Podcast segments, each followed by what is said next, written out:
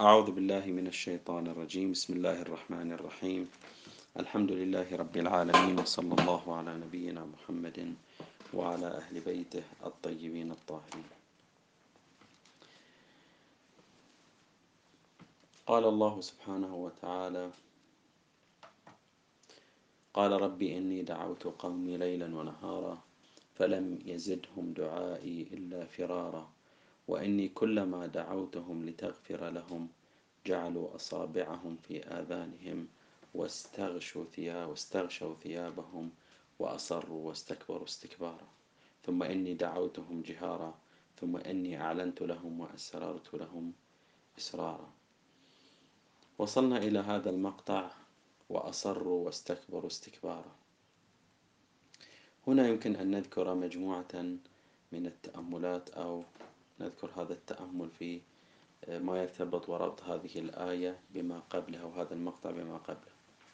الإصرار على الأمر هو الثبات عليه فأصر على الأمر ثبت عليه ولزمه. فنقول فلان أصر على رأيه بمعنى أن فلانا ثبت على هذا الرأي الذي يتبناه أو الذي هو مقتنع به ولزمه لم يتزحزح عنه. ولم يتنازل عنه. الله سبحانه وتعالى يحكي على لسان نوح النتيجة التي وصل إليها من هذا العمل الدؤوب الذي قام به.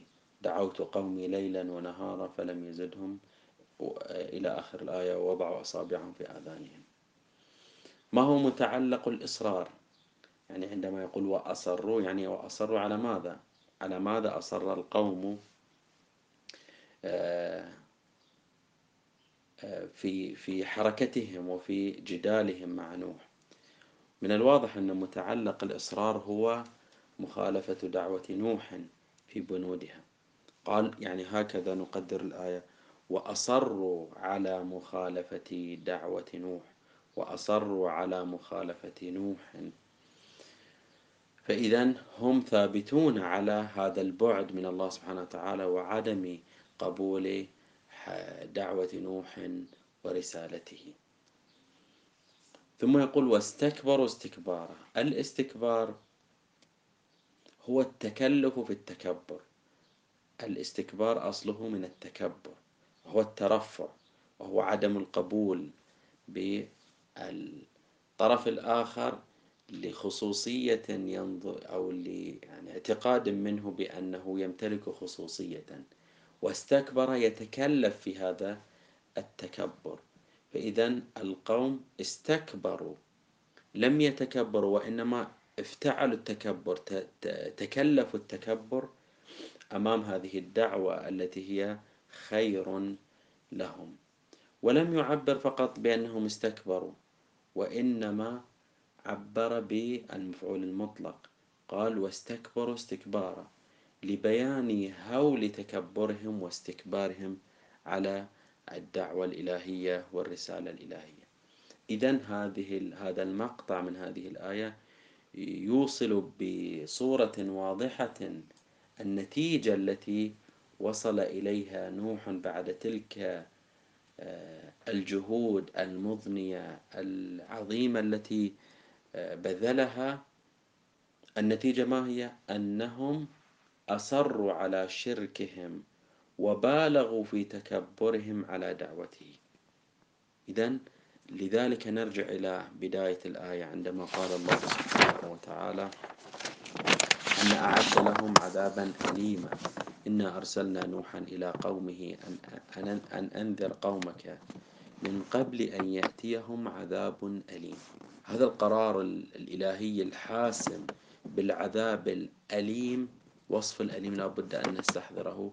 هم يستحقونه لأنه حتى بعد أن جاءهم النبي يعني هم قبل أن يأتيهم النبي انحرفوا وبعد أن جاءهم النبي أصروا على طغيانهم استكبروا عاشوا حالة الاستكبار والمبالغة في الاستكبار والتكبر على هذه الدعوة الإلهية الخيرة التي جاءت بنفعهم. إذا نحن أمام نموذج عات جدا من الاستكبار ومن الكفر ومن تجاوز الحدود الإلهية. يواصل نوح ويستمر نوح عليه السلام في آه، الشكوى إلى الله سبحانه وتعالى. يشكو إلى الله سبحانه وتعالى كما قلنا يشكو إلى الله سبحانه هؤلاء القوم الذين وصل بهم الحد بأنه يدعوهم ليلا ونهارا في كل موطن ممكن أن يترقب أنهم يقبلونه كانوا يرفضونه وكانوا يظهرون استكبارهم وتعنتهم أمام هذه الدعوة. يواصل نوح شكواه بقوله ثم إني دعوتهم جهارا ثم إني أعلنت لهم وأسررت لهم إسرارا. إذا هنا لكي يبرئ ويخلي نوح ساحته أمام الله سبحانه وتعالى من أي تقصير تجاه الدعوة تجاه الدعوة ماذا؟ صار يصف الأساليب التي سار عليها في دعوته لهؤلاء القوم. دعوتهم جهارا أعلنت لهم وأسررت لهم. لنقف عند هذه الآية ثم إني دعوتهم جهارا. في المعجم اللغوي الجهار من الجهر. الجهر بالشيء هو النداء بأعلى الصوت. فأقول جهرت بالأذان جهرت بالأذان يعني رفعت الأذان بصوتي وبصوت عال وبأعلى صوتي. هنا نوح يصف أنه دعاهم جهرا.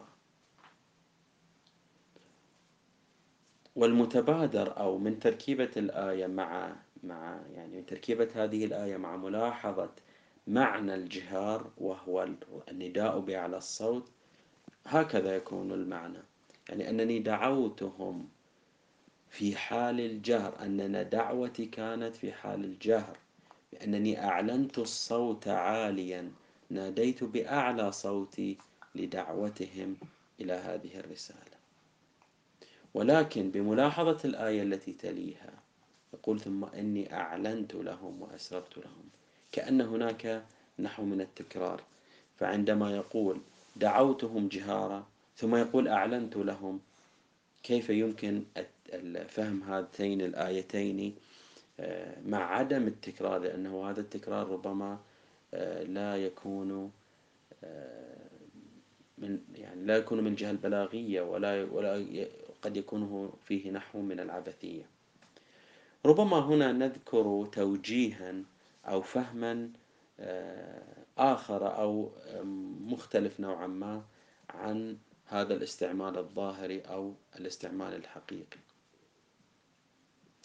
فإذا تركيبة الآية تركيبة هذه الجملة أن نوحا عندما يريد يدعو قومه كان يرفع بصوته عاليا حتى يصل الصوت صوته إلى أعلى الأماكن وإلى أبعد مديات وينبه الغافل فحتى يلقي الحجة عليهم كان يدعو كان دعوته بشكل جهري بشكل آه، بصوت عال وبصوت مرتفع.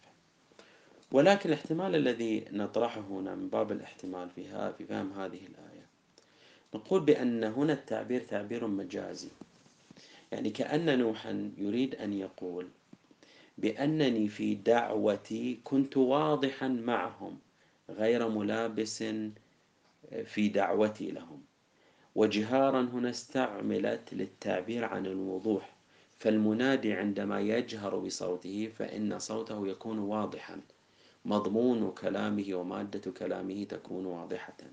فعندما يقول نوح لربه ويشكو له ويصف له كيفية دعوته يقول لهم يقول له يا ربي لم أقصر معهم فإن أصل الدعوة كانت واضحة بالنسبة لهم. ثم إني دعوتهم إلى ما أمرتني به جهارا بشكل واضح لا لبس فيه ولا غموض يكتنفه.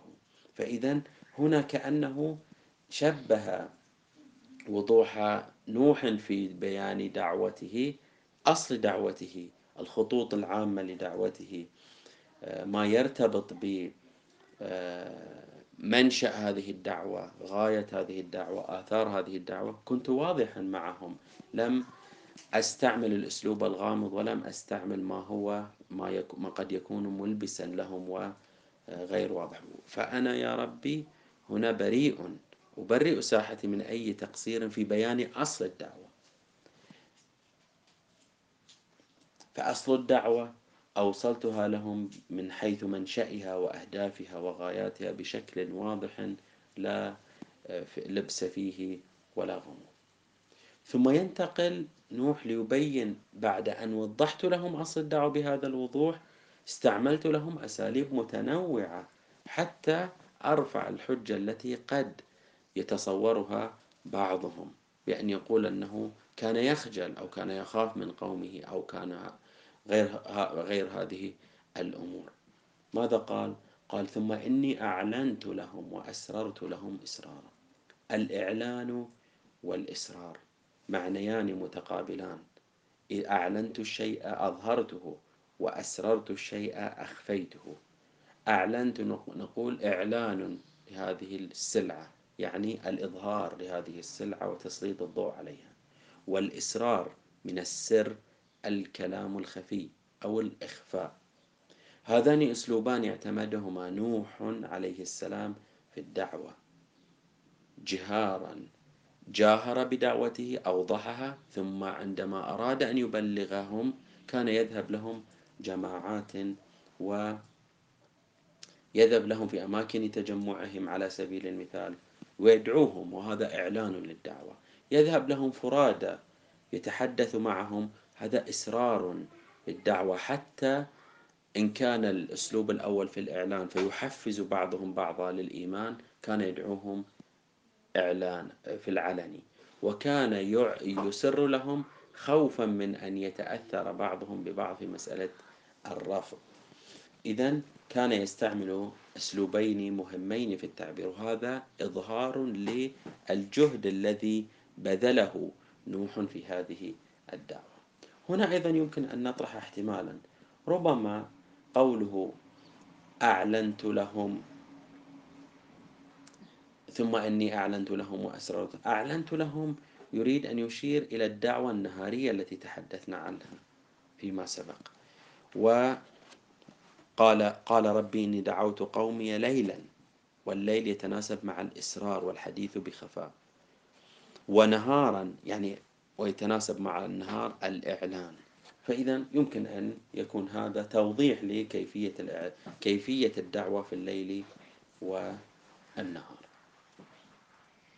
فإذا أصل هذه أصلها إلى هنا تكون الشكوى نحو من إظهار وتبرئة الساحة من إلقاء الحجة عليهم وإظهار أنني ألقيت الحجة بما أستطيع من أساليب وطرق آه، يمكن أن تستعمل في مجال الدعوة إلى الله سبحانه وتعالى. ينتقل نوح مرة أخرى ليتحدث عن ليصف لله سبحانه وتعالى أو يخبر الله سبحانه وتعالى في شكواه لأنه حتى هذه الدعوة التي دعوتهم التي كلفتني بها ودعوتهم لها لها استعملت فيها أسلوبا غير مباشر من خلال كشف روابط وجودية بين أجزاء هذه الدعوة. لاحظوا تكملة الآية. فقلت لهم عفوا فقلت استغفروا ربكم إنه كان غفارا.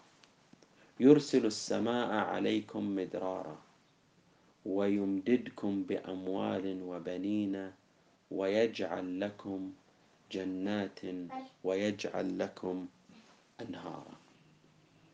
لو نلاحظ هذه الآية تتحدث عن أمرين سبق أن أشار إليهما نوح في أشارت لهم الآية في البداية. فقلت استغفروا ربكم. تشير إلى ذلك الأثر الأخروي الذي آه، ذكره نوح عليه السلام. يرسل السماء عليكم مدرارا. الأثر الدنيوي الذي تحدث عنه نوح عليه السلام كأثار لهذه الدعوة. لاحظوا. نعم. أن اعبدوا الله واتقوه وأطيعون. ما هو الأثر؟ يغفر لكم من ذنوبكم. وهنا قال استغفروا ربكم إنه, إنه كان غفارا. ثم يكمل في المقطع الأول. ويؤخركم إلى أجل مسمى. ثم يقول هنا يرسل السماء عليكم مدرارا. ويمددكم بأموال إلى آخر الآية. إذا هذا تعبير وصياغة أخرى لتلك الآثار التي ذكرها نوح لدعوته. وهو غفران الذنوب وإطالة الأجل. ولكن هنا في هذه الآية العاشرة والحادية عشر تحدث وصور لهم وكشف لهم عن ارتباط وجودي بين الاستغفار وبين الآثار الأثر الدنيوي. فقال استغفروا ربكم إنه كان غفارا. يرسل يرسل السماء عليكم مدرارا ويمددكم إلى آخر الآية. إذا يعود نوح مرة أخرى لعرض دعوته لعرض دعوته بصورة أخرى. كاشفا هذه المرة عن ربط بين أثري دعوته الأثر الأخروي والأثر الدنيوي بحيث يحاول أن يحفز قومه للإيمان بدعوته. ليقول لهم هذا الإيمان له ارتباط وجودي ارتباط واقعي ارتباط واقعي بينه وبين الآثار الدنيوية التي قد تجذبكم نحو الدعوة ونحو هذه الرسالة. نتوقف عند هذا هذا المقطع يقول فقلت لهم استغفروا ربكم إنه كان غفارا. وهو الأثر الأول لدعوته وهو غفران الذنوب. والمعنى المفردات كلها واضحة. والمعنى هكذا استغفر الله من خلال عبادته وتقواه وطاعته. هذا الاستغفار الذي أريده. لا قول استغفر الله وإنما الاستغفار بمعنى الالتزام ببنود هذه الدعوة.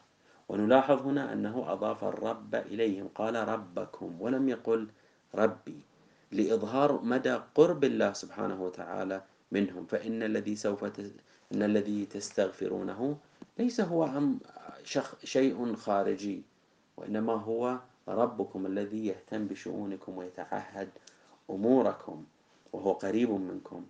ثم تستعمل الآية ويستعمل نوح عليه السلام كلمة غفار على وزن فعال للدلالة على كثرة المغفرة. إما لكثرة من غفر الله لهم فهو غفار أو لكثرة الذنوب التي يغفرها يغفرها لكم فهو غفار لذنوبكم. إذا هذا البند الأول الذي يعيد نوح صياغته مرة أخرى لكن بصورة آه، يظهر ارتباطه والارتباطاته الخارجية والوجودية في الخارج. يقول فقلت لهم استغفروا ربكم إنه كان غفارا يرسل السماء عليكم مدرارا.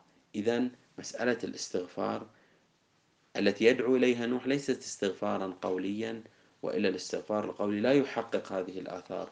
وإنما الاستغفار هنا استغفار عملي التزامي بحيث يلتزم ببنود هذه الدعوة فيغفر الله فيغفر الله سبحانه وتعالى لهم ذنوبهم ثم بعد غفران الذنوب تترتب الآثار عليهم يطيل أجلهم وطول الأجل هنا كما سنأتي على ذكره إن شاء الله طول الأجل متضمن لزيادة في الأموال والبنين وغير ذلك.